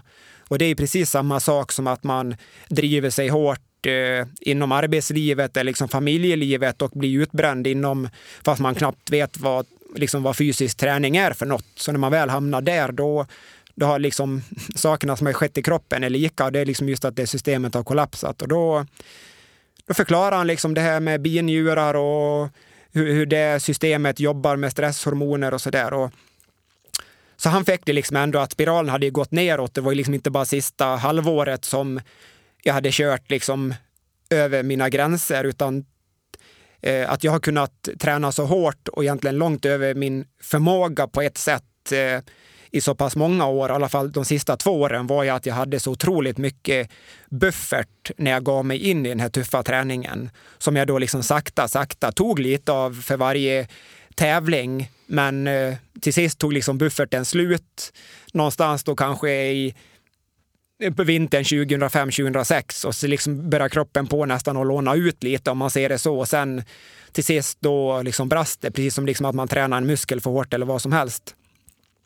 Det komplexa är dock bara liksom att det är en sak, sker en skada i en muskel, då kan man isolera den och så får den vila tills den har läkt ihop och så börjar man med uppbyggnadsträning tills den blir stark igen. Men det är egentligen samma filosofi som ligger bakom eller teori som ligger bakom att bygga upp ett eh, bröstet liksom stresssystem. Problemet är att man kan inte isolera det systemet för liksom, eh, tar man bort det, då dör man ju helt enkelt. Så att mm. Eh, då, det är som att eh, försöka, man har, man har ett, eh, ett, ett, ett, ben som är av eller liksom en, en vadmuskel som är av och så ska man rehabilitera det och bli frisk fast man måste gå på det dygnet runt. Mm. Och det är det som gör att det tar så otroligt lång tid att komma tillbaka fast man liksom får bra hjälp. Och det som tar mest tid, det är liksom att inte, ja, stanna skeppet, det gjorde jag liksom när, när han förklarade för mig. För att det är otroligt frustrerande och otäckt. Jag trodde ju liksom under första månaden att jag skulle dö flera gånger per dag, att hjärtat skulle stanna eller sådär. Det var så? Du, du, det var sådana panikkänslor i kroppen? Ja, absolut. Ja. Och just eftersom alla tester de gjorde visade att liksom ingenting var, var fel liksom, som de kunde hitta. Så då, då blev det liksom att eh, jag var inte lugnare av det, utan hade de hittat någonting som man kunde peka på då skulle jag liksom ha blivit lugnare. Jo, men det beror på det här, varför du känner så. Men, men det var liksom bara ännu värre för varje testresultat som kom tillbaks och var bra. Var du eh, rädd? Ja, men det måste, inte liksom rädd för döden. Det är på något sätt så, jag vet inte varför jag inte vart det. Eh, jag hade så mycket, liksom det var kaos, det var sån kaos i knoppen liksom i, i huvudet så att det gick knappt att tänka på liksom att, det, att jag liksom vad döden skulle innebära. Liksom. Det, det, det var, eh, utan eh, jag, jag tänkte, det var liksom mer bara så här liksom med, med yrsel eller så med hjärtklappning att ja, nu, liksom, nu, nu stannar det väl, eller liksom, ja, men nu tuppar jag väl av. Och sen, men eh, sen insåg jag liksom efter någon, en månad där att har det inte skett än, då, ja, då kommer det inte att ske. Och, och det är lite ironi, men ändå liksom någonstans där eh, för efter, det här är ju symptomer som blir allt det här. Liksom, att det är lätt att tro då att som sagt, de hade gjort EKG och alla möjliga tester för att jag kände av hjärtat och yrsel och röntga skallen och allting. Men det är liksom bara symptomer på grund av att hela kroppens stresssystem är helt upp och ner och då får man de här symptomen. Och då när jag förstod då, eh, när jag träffade läkaren där, att de här symptomen kommer på grund av att det systemet är liksom kollapsat. Det gör ju att, eh, det gjorde inte så att hjärtat rusade mindre, men när det väl gjorde det så, så visst, vart jag inte rädd längre för att jag visste att det här kommer på grund av det här. Mm. Och det är, på det, det är på det sättet som man i alla fall kan stoppa liksom det sjunkande skeppet. Att man slutar bli rädd, man slutar att handla destruktivt när man får de här känslorna, för man vet att okej, okay, det är ingenting som är farligt, det är ingenting som kommer att gör att, liksom att, att det går åt fel håll, utan ju, ju snabbare jag kan eh, acceptera, ett starkt ord så, men liksom i alla fall inte liksom, överreagera utan bara försöka hitta lugnet och andas igenom de här sakerna när det sker så kan man i alla fall stanna det här sjunkande skeppet. Men fast man har gjort det så tar det sen så otroligt lång tid att liksom få det på rätt kurs. Just för att systemet, liksom, man får de här symptomen eh, efter varandra liksom, dag som natt och du kan inte sova. Och, och du kräver otroligt liksom, mycket. Egentligen, du vill bara ha socker och koffein för att kroppen är så överstressad och överladdad. Men är det så att du tar det liksom, som eh, dricker kaffe eller äter liksom, socker, då blir allting mycket värre. Eh, så att det gäller ju först att komma underfund med allt sånt. Eh, och sen då liksom det han gjorde sen, det var liksom dels liksom att eh, nollställa mig, liksom att okej, okay, så här är det, så här ska vi jobba tillbaka. Och liksom grunden, det var liksom att försöka då få mig att börja sova på natten. Liksom sömnen är ju någonstans A och O, oavsett vad du gör med kost och allt sånt här. Så liksom, kan du börja med att sova bra, det är liksom där så mycket av vår eh, återhämtning sker. Och då var jag tvungen liksom att göra vissa åtgärder med kosten för att liksom påverka sömnen positivt. Och liksom, som sagt var alla liksom enklare sockerarter i kosten så togs bort så att det var liksom bra protein från kyckling och fågel och fisk och liksom bra sammansatt sallad. Det var liksom det jag i stort sett åt eh, eh i någon form av rotationscirkel, eh, liksom frukost, lunch, middag. Eh, just för att bara liksom få, se till att kroppen får bra näringsämnen och så stabil energi som möjligt. Eh, och sen eh, just liksom otrolig stress, eh, stress och hög belastning under många år hade ju också gjort då att mina depåer av magnesium bland annat som förbrukas mycket under stress var liksom, jag hade otroligt dåliga sådana nivåer i kroppen. Och det gjorde ju det. Det är klart man ska försöka korrigera så mycket som möjligt eller hålla det på en bra balans när man väl har en bra nivå liksom med hjälp av kost och så. Men det är där just det här med tillskott och så kan ja, var liksom ett nödvändigt ont, eh, eller nödvändigt ont, men liksom väldigt nödvändigt i början med rätt stora doser för att verkligen buffra upp de här nivåerna till, till en bättre dos. För, för just som med magnesium till exempel, som förbrukas mycket under stress och ju mindre magnesium du får i kroppen, ju mer lättstressad blir du. Så att bara en sån sak kan ju liksom gör ju inte att man blir utbränd, men liksom ändå är otroligt viktig för återhämtningen i alla fall. Och det är ju inte en sak som gör att man liksom bli frisk utan, och inte en sak som gör att man blir dålig heller, utan det är ju 50 små saker som totalt leder till för mycket stress och samma sak att liksom man får titta på alla vitaminer och mineraler, man tittar över kosten generellt och man tittar på de fysiska bitarna i mitt leverne. Men någonting, så han sa liksom, han korrigerar allt liksom det fysiska, kost, sömn och allt Kunde det. du träna under den här perioden? Nej, nej, nej. nej. nej det fanns, jag kunde knappt eh, gå liksom tio minuter lugn promenad utan att få liksom hjärtklappningar när jag kom hem och så. Hur kändes det mentalt i din ställ? Äh, det var ju helt... Äh, det var... Från att vara så elit och tänk och timmar och, eh, till att inte kunna gå? Ja, eh, absolut. Alltså det är ju en eh, tur i oturen. Alltså, när jag var så dålig så det är klart att någonstans bak så tänkte jag väl liksom hur mycket jag hade tränat och så tidigare. Men liksom bara situationen i sig var så extrem så att jag hade svårt att tänka på någonting hur det hade varit eller så där tidigare. Men, så att, och jag tänkte liksom knappt på träning på det viset, utan jag ville liksom bara, om bara de här eh, det, var, det var som att jag idag skulle utsätta mig för en liksom nära döden-upplevelse rent hur jag kände i kroppen liksom med stress och så. Eh, lite grann av den känslan som det var liksom som en, en, eh, en, en, eh, kolsyrad flaska, som man, en champagneflaska som man ruskar liksom och, och alltså den är så full med tryck. Men liksom det eh, innan du liksom får av korken, liksom det, att det var liksom så överladdat. Så det var ju mer det som gjorde att det var så. Det var en sak om liksom att man hade seta och inte kunnat träna för att man liksom var så trött och slut bara. Men man liksom, det var ju som att jag, jag hade liksom energi eller liksom oro inom mig för att springa tio mil på raken. Men jag visste att om jag gick eh, tio minuter så, så skulle liksom jag göra symptomen ännu värre. Mm. Och det är det som blir så extremt. Jag menar, idag när jag är stark och frisk igen, även fast inte kaffe och godis liksom är det bästa, kan man inte påstå så. Så att det är jävligt gott och då äter jag det ibland och, och så, liksom någon form av belöningssystem. Men tog jag en halv kopp kaffe eller en, en näve bilar när jag var som sämst, liksom, då kunde jag bli krascha liksom eh, förvärra allting ja. för flera dagar framöver. För att det är liksom verkligen som att det finns inga resurser alls och då varje liten sak som påverkar systemet, även fast man liksom skulle kunna tycka, ja men idag så här till en frisk människa, jo men det är ju bara hälsosamt att gå en promenad och få dagsljus och så. Jo, men det, det är en frisk människa som fungerar, men det är som att säga åt någon som har som sagt var en, en skadad vad och säga jo men det är jättebra att gå ut och promenera och få solljus. Jo men det är inte så bra att belasta en trasig vad Nej. eller ett ben som är av. Men hur, tog det två år för dig att komma tillbaks som läkaren sa? Ja, det är tyvärr så, så här i efterhand så hade han väl rätt. I det. Och sen är det svårt, liksom, vad, är, vad är att komma tillbaka? Liksom. Det var klart, jag var ju, jag kände, jag var ju något bättre. Jag säger så här, jag, när jag berättar den här historien, så där, då, jag kan nästan säga att det var under tre månader som jag i stort sett inte kunde gå och handla min mat själv. Liksom. Och det var inte för att jag hade två mil till affären, utan just för liksom att bara det här att komma in på affären och se alla livsmedel och människor, liksom, bara det kunde ju få mig att börja liksom gråta eller liksom just behöva gå ut därifrån för det kändes som ett kaos. Men också det här att göra de här valen, så här päron eller äpplen, och shit, kändes som livsavgörande beslut. Men sen efter tre månader, då hade jag byggt upp så pass mycket energi så att jag åtminstone kunde, kunde gå och göra sådana enklare handlingar.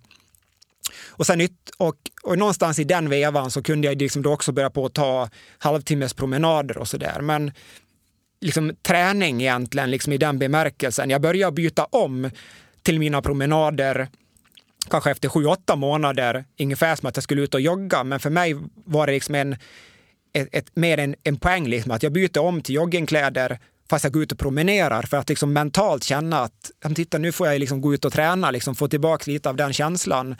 Så jag har ett, ett kort hemma som jag tog då när jag satt på mig cykelkläder första gången och det ser ut som jag ska ut och cykla en etapp i Tour de France. Men eh, jag kommer så väl ihåg det passet, för jag cyklade tio minuter runt kvarteret och så åkte jag hem och, och la mig i sängen resten av dagen och var liksom och jag fick lite bakslag, men det var liksom så jag kom tillbaka. att Då var det precis som att jag hade byggt upp liksom eh, två energienheter i kroppen och det där passet förbrukar en, men liksom ändå av den glädjen och att jag spenderade den lilla energi på rätt sak gjorde att jag fick eh, två energidepåer mer. Så att det, det, var så hela tiden, liksom att det gällde, okej, okay, nu känner jag mig så här pigg idag. Eh, och då gäller det att jag förvaltar den här energin på ett bra sätt. Och det kommer alltid, så fort jag reser mig ur sängen så kommer saker och ting att liksom kosta. Men det gäller att, att göra saker som alltid ger mer än det kostar. Mm. Och så och, och, och sagt var i början, det var liksom så jättesmå saker som jag idag inte ens reflekterar över. Men det gjorde sen att jag sen då kunde börja på att träna sakta, sakta. Och då efter två år så då, ja, då var jag liksom tillbaka till att jag kunde träna ja, en, återigen högintensiv träning. Det tog det betydligt längre tid innan jag kunde göra, men då kunde jag liksom, i alla fall liksom ge mig ut och cykla en timme fem dagar i veckan, eh, kanske lite mer också, liksom utan att få bakslag, utan upplevde att kroppen tog åt sig av, av träningen. Men mitt i den där soppan så dog din flickvän. Ja. ja det När ju... det var som sämst nästan.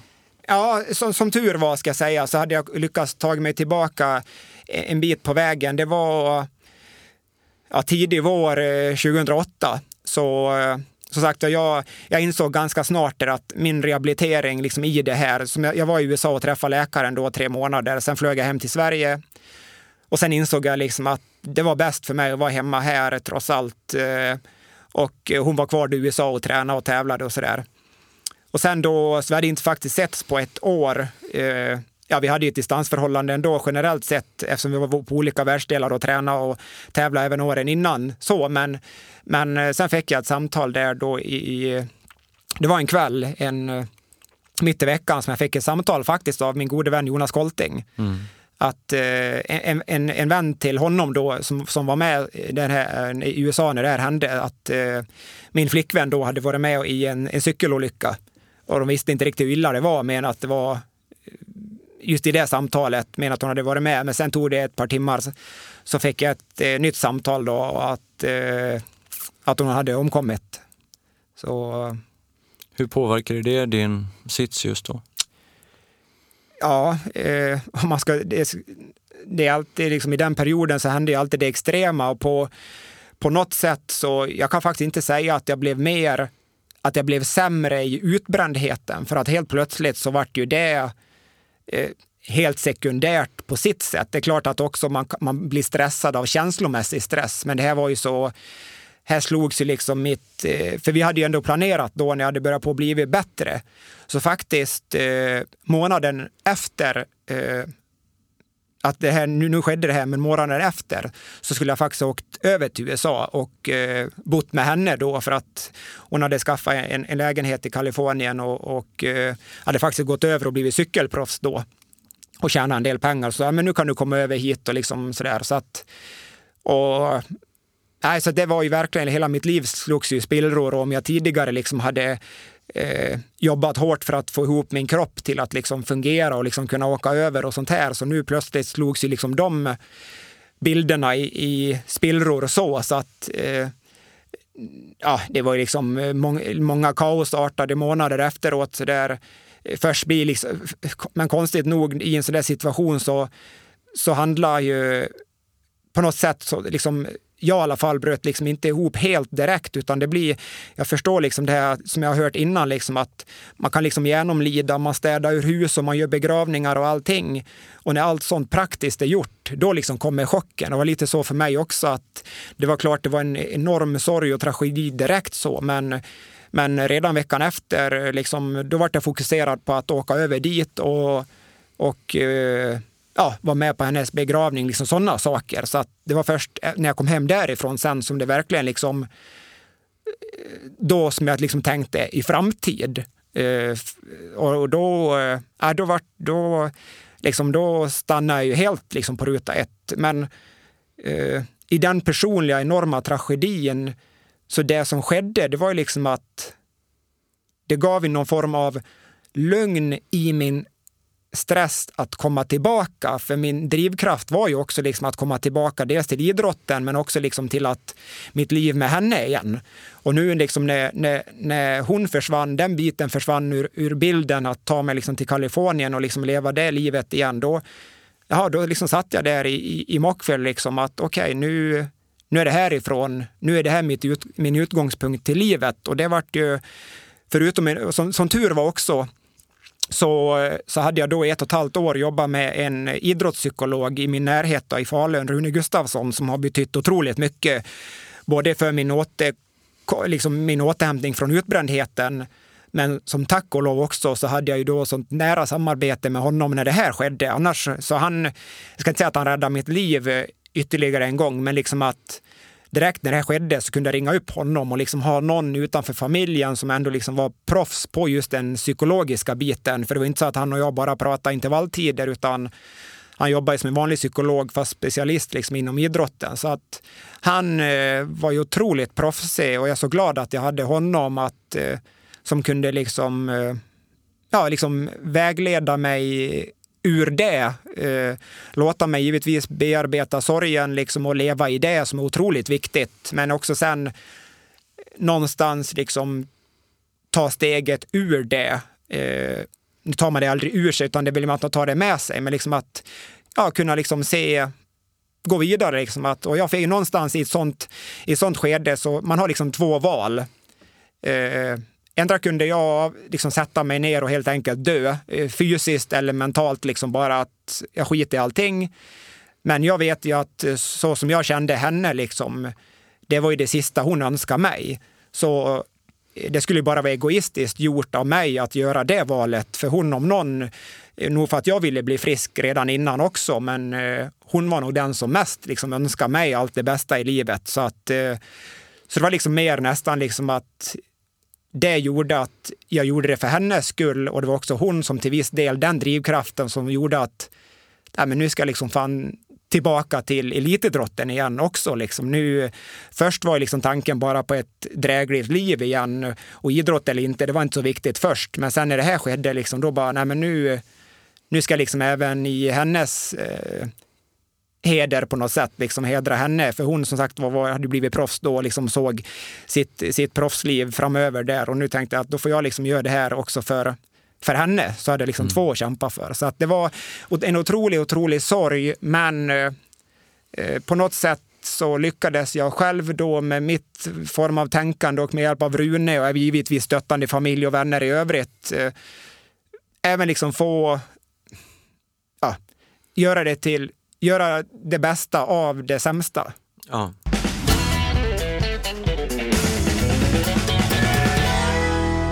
Du gjorde ju en comeback sen och det blev ju ganska bra. Men du fick ett bakslag på det också. Ja, det stämmer. Precis. Eh, då när hon eh, gick bort där, då sagt jag hade ju inte blivit bra, men 2009 eh, sen så började liksom, kroppen börja svara och träna liksom lite mer och mer. Eh, och så länge jag liksom inte utsatte mig för någon mental stress i övrigt, som tur var så hade det gått ganska bra innan, så jag hade en del sparat kapital som jag kunde leva av och så, så att jag hade ingen ekonomisk press, utan jag kunde liksom leva i min lilla bubbla. Jag gav mig ut på mina träningspass, eh, men gjorde min mindfulness, min yoga, liksom allt det där, min kost, liksom allting var perfekt. Och då kunde jag börja på att tolerera en belastning på, ja, inte nämnvärsvis så mycket som tidigare, men en 15 timmar i veckan med rätt så bra kvalitet så kunde jag komma upp och, och, och träna därifrån vintern 2009. Och det, det gjorde att jag sen då i, i maj, april, maj, juni den sommaren började känna att shit, liksom det här att göra en Ironman igen, liksom eh, framförallt då för Christie som hon hette, liksom att eh, Eh, och för min skull, det skulle liksom slita, eh, sluta den cirkeln på något sätt. Liksom min, min, det skulle liksom vara någon form av eh, att jag hade liksom lyckats ta mig tillbaka och liksom hon också liksom det där. Så det gjorde att jag då anmälde mig till eh, Ironman i Kalmar, eh, Kalmar Triathlon som det hette då och stod på startlinjen med ambitionen att liksom ta mig igenom och göra ett bra lopp. Nu visste jag att det var i bra form, men ändå, jag hade ju inte tävlat Ironman på tre år och, och bedriver mesta av de tre åren hemma i sängen och inte liksom på träningsläger. Så att men med facit i hand eh, så hade den träningen som jag hade gjort, men framför allt otroligt eh, mycket vilja och pannben eh, under tävlingen gjorde att jag lyckades vinna tävlingen och ta SM-guld och sätta ett nytt banrekord. Så att det var, ja, det var en, en comeback som hette duga. Men men, Vad hände efter det? Precis, och det visar väl sig då återigen liksom att det inte hade varit det bästa. Jag hade ju drivit den träningen sista halvåret mycket på liksom sorg och revanschlust eh, och hade fått kroppen att svara. Men något sätt, liksom återigen, nu var det där tävlingen över och liksom cirkeln på det viset var sluten och då det var nog både liksom, jag ska inte säga att jag på något vis var deprimerad så, men liksom på något sätt så då kom nog liksom ytterligare ett sorgarbete och saknaden vart nog ännu större från henne men också med, i mig själv. Liksom. Jag kände att okej, okay, nu har jag gjort den där återkomsten och det gick så otroligt bra, men liksom, vad fan, det, är det det här jag ska liksom göra? Eh, för jag visste ju återigen, liksom, jag var ju fortfarande lite skör, så, eh, men, men jag kände att eh, jag kände ju någonstans att liksom, det här är inte bra, jag måste liksom göra någonting annat med mitt liv. Samtidigt så hade jag inte gjort någonting annat vettigt eh, som hade liksom haft någon, eller vettigt hade jag gjort, men liksom någonting som inte hade med fysisk aktivitet att göra med på nästan hela mitt liv. Förutom liksom skolan och lumpen. Så att, och det gjorde att liksom återigen jag fick den här stresskänslan att shit, liksom nu, och liksom det ekonomiska började på rinna ikapp mig och så där. Så att det gjorde att jag fick, jag var inte lika dålig som, som tre år tidigare, men jag hade en otroligt tuff höst och, och vinter där innan jag började på att eh, verkligen eh, tänka att jag ska nog liksom gå vidare och göra någonting annat. Att det här får liksom vara eh, karriärens slut. Liksom. Det här får liksom bli det. Och för jag insåg att jag vill liksom inte riskera min hälsa igen och bedriva elitidrott på den nivån. Och då började jag på att få en del förfrågningar om eh, personlig träning men också just det här med föreläsningar. Eller folk vill jag ska komma och berätta om min historia, både dels liksom elitidrottare men det är inte så många eh, i, i min närhet eller runt om så där liksom som man har hört om som har tagit sig knappt ur liksom, eh, utbrändhet och till en dräglig tillvaro och ännu mindre då till, en, till elitidrotten på den nivån. Så att det gjorde att jag började på att coacha några stycken och dela med mig av mina erfarenheter och hjälpa dem att infria, liksom så här, de skulle göra sin första Ironman och så. Och sen åkte, tog jag tag i det här med föreläsningar och åkte och, och berättade om min resa och fick fler och fler förfrågningar om coaching och eh, föreläsningar. Så att drygt två år senare, 2011, så då, då hade jag liksom egentligen mentalt liksom lagt av. Jag hade inte kört någon Ironman på senaste åren, lite andra tävlingar, men då, då var jag liksom mogen för att mentalt eh, gå ut och säga att liksom, nu, är, nu lägger jag av med elitidrotten, jag har tagit steget, jag hittar någonting annat som jag faktiskt från hjärtat brann mer för och liksom, det var att hjälpa andra istället. Jag hade liksom gjort min resa och nu fick ett otroligt driv och så mycket tillbaka då att hjälpa andra. Så att från där 2011 så, så har liksom jobbat eh, heltid då, liksom mer eller mindre med, med mitt egna företag med coaching och föreläsningar. Och där kan jag berätta för er som inte vet och som lyssnar på det här att jag, jag ringde ju dig där 2011. Ja. Och eh, vi gjorde ju en fantastisk resa ihop. Det är nästan så jag börjar gråta när jag tänker på det. Eh, men jag hade under, jag hade ju följt dig och Jonas och vi hade blivit lite vänner och träffat på träningsläger och sådär. Så, eh, men jag ville också till Hawaii. Men jag var ju en glad amatör. Jag vann ju inte alls de tävlingarna som ni gjorde och sådär. Och då anlitade jag ju dig som coach. Och det gick ju väldigt bra, för jag kom ju också till Hawaii. Ja. Och det var ju en... Eh, och då pratade vi nästan varje vecka lite i telefon eller varannan vecka. Och så här. Jag tränade ju rätt, ja, i mina mått mätt, eh, mycket Liksom. Och vi eh, lyckades ju efter sju års försök med mig, där jag hade bedrivit egen träning, så lyckades vi pricka eh, Hawaii-slotten på, i en tävling i eh, England som jag körde. Så att eh, 2012 körde jag Ironman på Hawaii. Och det var ju fantastiskt. Så att det var ju, och det var ju kul också för att eh, jag visste ju allt vad som hade hänt med dig. Och vi, vi var ju kompisar då på ett sätt. Eh, även om vi inte såg så ofta, men vi pratade och vi träffades ibland på Jonasläger och sådär. Det var ju otroligt tillfredsställande att se också, för jag, jag kände verkligen eh, genuint att du gillade det. För när jag ringde dig efter jag hade gått till mål, det var ganska häftigt. För du var också jävligt glad. Ja. Och eh, ja, det var speciellt för mig också. Mm. Och det där har du fortsatt med, med framgång. Du har tagit många människor till Hawaii. Ja, det har gått bra.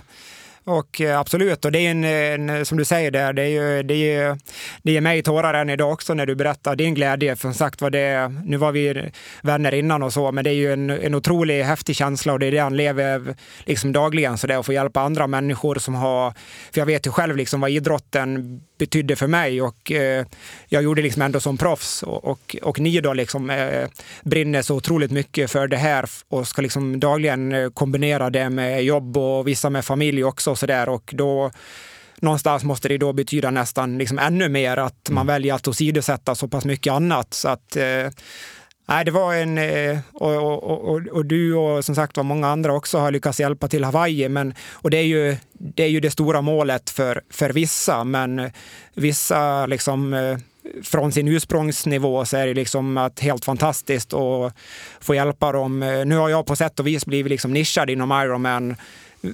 ofrivilligt eller inte, liksom, men det är väl det jag känner jag kan framförallt bidra mest på. Liksom fått hjälpa mm. de här som också liksom någon gång har har svårt att ens springa 10 kilometer till att liksom coacha och göra sin första Ironman och liksom inte bara genomföra utan liksom också innan liksom får dem att tro på det, att det är möjligt. För bara liksom fysiskt är en resa, men mentalt det är ju ofta den, de högsta bergen att bestiga. Mm. Så att eh, nej, det, och det är nog, det, ja, jag kan säga liksom det är sällan ska jag säga, men det är nog till och med fel. Det är aldrig som jag än idag liksom har jobbigt att slå upp min laptop och skriva träningsprogram eller som du är inne på, liksom svara när någon ringer eller ringa upp någon. Utan det är, mm. det är liksom det som mitt, min energi på bygger på idag och eh, så en otrolig förmån och jag är så tacksam återigen att jag har varit så nyfiken och haft svårt att säga nej eh, just till sådana här saker och, och coacha andra. Liksom, ja, det, jag känner att jag har hittat, hittat rätt där, men det har också bidragit till att jag lite grann har tagit upp lite seriösare träning själv ja. här. Så. Kan du göra det med, om man ska säga med måtta? Ja, absolut. Jo, det, det är någonstans... Jag menar, du tävlar ju bara i världens bästa multisportlag, så att, eh, det är väl klart. Ja, och tog SM-guld här i, förra våren eh, med Team Thule. Då, så, Nej, ja, du tävlar ju internationellt med dem också. Ja, precis. Ja, så att, och det är ganska långa, hårda tävlingar. Ja. Och där kör du med din gamla vapendragare Martin Flinta som vi hörde om här. Ja, precis. Ja, det är ju fantastiskt liksom hur eh, Eh, vissa blir man aldrig av med verkar det som. Nej, men skämt åsido, men just efter just efter de här åren liksom, när jag har coachat andra här och eh, så har jag liksom märkt att eh, min kropp och liksom även mentalt har liksom börjat på att svara jag har liksom börjat på att sakna idrotten, det egna tränandet. Inte för att jag har blivit trött på att coacha, men liksom att jag har glädts så mycket med de här jag har coachat och liksom fått så mycket energi. Och eh, Eh, har svårt liksom att sitta still i kontorsstolen efter dagens slut och liksom känner bara att jag har så mycket energi som jag måste få ut och liksom göra av med eller förvalta på något sätt. Och, och det har bidragit nu att sista åren att jag har tränat lite mer. Alltså det är inte alls mer än 10 ibland kanske 15 timmar i veckan. Men liksom, återigen, de här åren som coach har också, för min utmaning varje dag, det är liksom att få varje individ att utvecklas så mycket som möjligt med så himla lite träningstid som vissa kan lägga mm. och göra att det blir expert. Liksom, har man fem timmars träning i veckan så liksom, hur mycket kan jag få ut av det? Och det har hjälpt mig att i min vardag att eh, okej, okay, jag, jag, vill avsätta tio timmar. Hur bra kan jag bli liksom, av de timmarna? Och det har gjort att jag har blivit i rätt så bra form eh, Eh, så att, och då, min Martin här då, har varit på mig även under flera år och frågat här om jag inte ville göra en, en sällskap på multisport. Men eh, jag var lite tveksam sådär liksom. Nej. Men sen här i, i, i våras... Vad har du tänkt då? Har du tänkt så här jävla sport för tomtar? De håller på med prickskytte och allt möjligt. Eller hur har du resonerat? Äh, alltså li, lite grann, så liksom, alltså absolut att vara bland de bästa multisportarna i världen. De, de är lika duktiga som alla andra som är bäst i världen i sin gren. Eh, men eh, skillnaden, den stora skillnaden är varför jag lockas med i det här nu, det är att det går inte att mäta prestationen bygger inte alls på samma sätt som på ens liksom Ironman. Det är en lång dag, men det är sådana otroliga hastigheter, men också liksom allting är så jäkla mätbart. Kilometertider på cykel och hastighet mm. på, och liksom det är exakt de här banorna. Men liksom en, en multisporttävling, det är liksom, du tar med dig eh, liksom din utrustning, sen liksom är det ute i skogen, mountainbike, paddling och liksom återigen, det är otroligt duktiga idrottare, men det är liksom, och för mig, vi kör i, i lag, fyramannalag, tre killar och en, en tjej och liksom det blir ett lagsamarbete, även fast jag egentligen liksom har varit liksom ensamvarg så, så, liksom, så har jag, jag trivs liksom bra under laget och just det här att det liksom inte är frågan om man ska först till mållinjen, men det blir, på, det blir helt andra kompromisser. Och liksom eftersom tävlingarna ofta är lite längre, som ett dygn eh, och sådär. Det, blir, det är förvånansvärt hög fart för att vara ett, en dygnstävling, men det är liksom inte sekunderna rätt löpsteg när man springer där i skogen över mossa och sten som är avgörande, utan just att det här att man är starkt mentalt, att man håller ihop laget och att en otrolig styrka hos mig då, sen mina år som elitidrottare inom Ironman, är att jag är väldigt duktig på att dels pejsa mig själv, alltså lägga upp loppet i förhållande till distansen, men också det med att äta och dricka. Och just att vara multisportare, det är liksom, visst, du måste vara bra på att paddla och springa och så i all ära, men liksom på längre tävlingar, då är det ännu viktigare och det är få förunnat att vara duktiga på och verkligen ha en kropp som fungerar på att ta upp mm. 300-400 eh, kalorier i timmen liksom under ett dygn. Och just det här mm. också, hur planerar jag ett dygns tävlande? Eh, för att orka i 24 timmar. Eh, fast, fast ändå så byter du gren så ofta så att det går relativt fort. Liksom. Och den, den erfarenheten har gjort att jag har verkligen funnit min plats i, i det laget. Och, så att nu får vi se här då. Det, eh, det blir mer tävlingar med Thule nu till sommaren och det sagt jag, jag... Det kanske är lite bra för din rehab också, att liksom inte jaga de där sekunderna och tiderna och hela tiden. Nej, precis. Och, absolut. Och det är det jag känner att jag visst, jag kör lite triathlon och så än idag. Jag har inte kört någon ny Ironman än. eh, så, men liksom att just eh, jag får bara bita mig liksom i armen eller liksom säga så att det får inte bli för seriös satsning.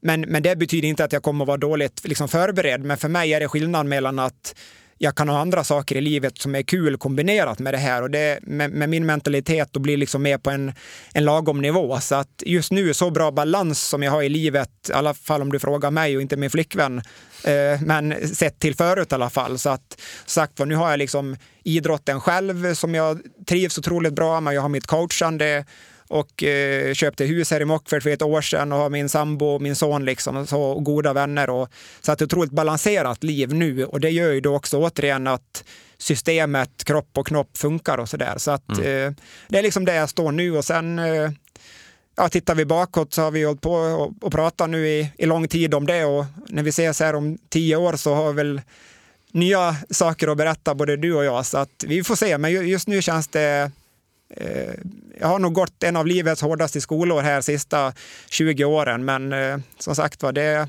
idag, idag det har varit hårt och det är tufft att bära med sig, men det är ju också att jag idag och framöver är så otroligt tacksam och att få ut så mycket mer av, av varje dag för att jag har de här erfarenheterna med mig och det, ja, det är någonting gott i allt det onda, som man brukar säga. Du, sist ska du bara svara på det här. När din son om några år börjar logga 40 timmars veckor i sin träningsdagbok, vad säger du till honom då? Ja, det är, en, eh, det är en svår fråga, men eh, och, och tyvärr är det ju så. Det är klart att jag hade folk i min omgivning, min mamma till exempel, då, som tyckte att jag gjorde för mycket och så, men hon, eh, det är svårt att lyssna när man har sånt otroligt driv själv som jag hade och Max som min son heter, kombinerar man mig och min sambo Jenny så, så blir det ju inte mindre driv direkt. Så att, men jag ska absolut, men det jag ska göra är faktiskt att det bästa jag kan göra honom, om han kommer aldrig att lyssna på mig, men jag ska se till att han får förtroende för en, en, en, en duktig mental mentor. Mm. Det, är, det är nyckeln eh, till alla som eh, har sådana problem med barn och ungdomar. Liksom. Att få dem till någon som de litar på som också kan för de, eh, det, det, det kommer jag att göra. Jag kommer, ja. inte, jag kommer inte att säga så mycket till honom utan jag kommer att boka tid hos eh, ja. någon, någon mentor och så får han ta det snacket.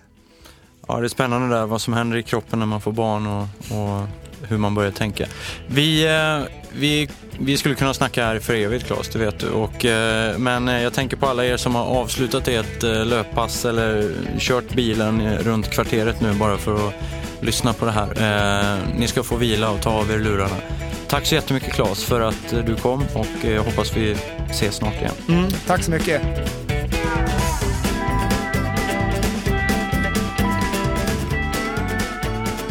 Du har precis lyssnat på ett avsnitt av Unika människor med Jojje Borssén. Vi tackar poddens sponsor Vitamin Manager och produktionsbolaget A1 Produktion samt producent Jonas Sjöberg.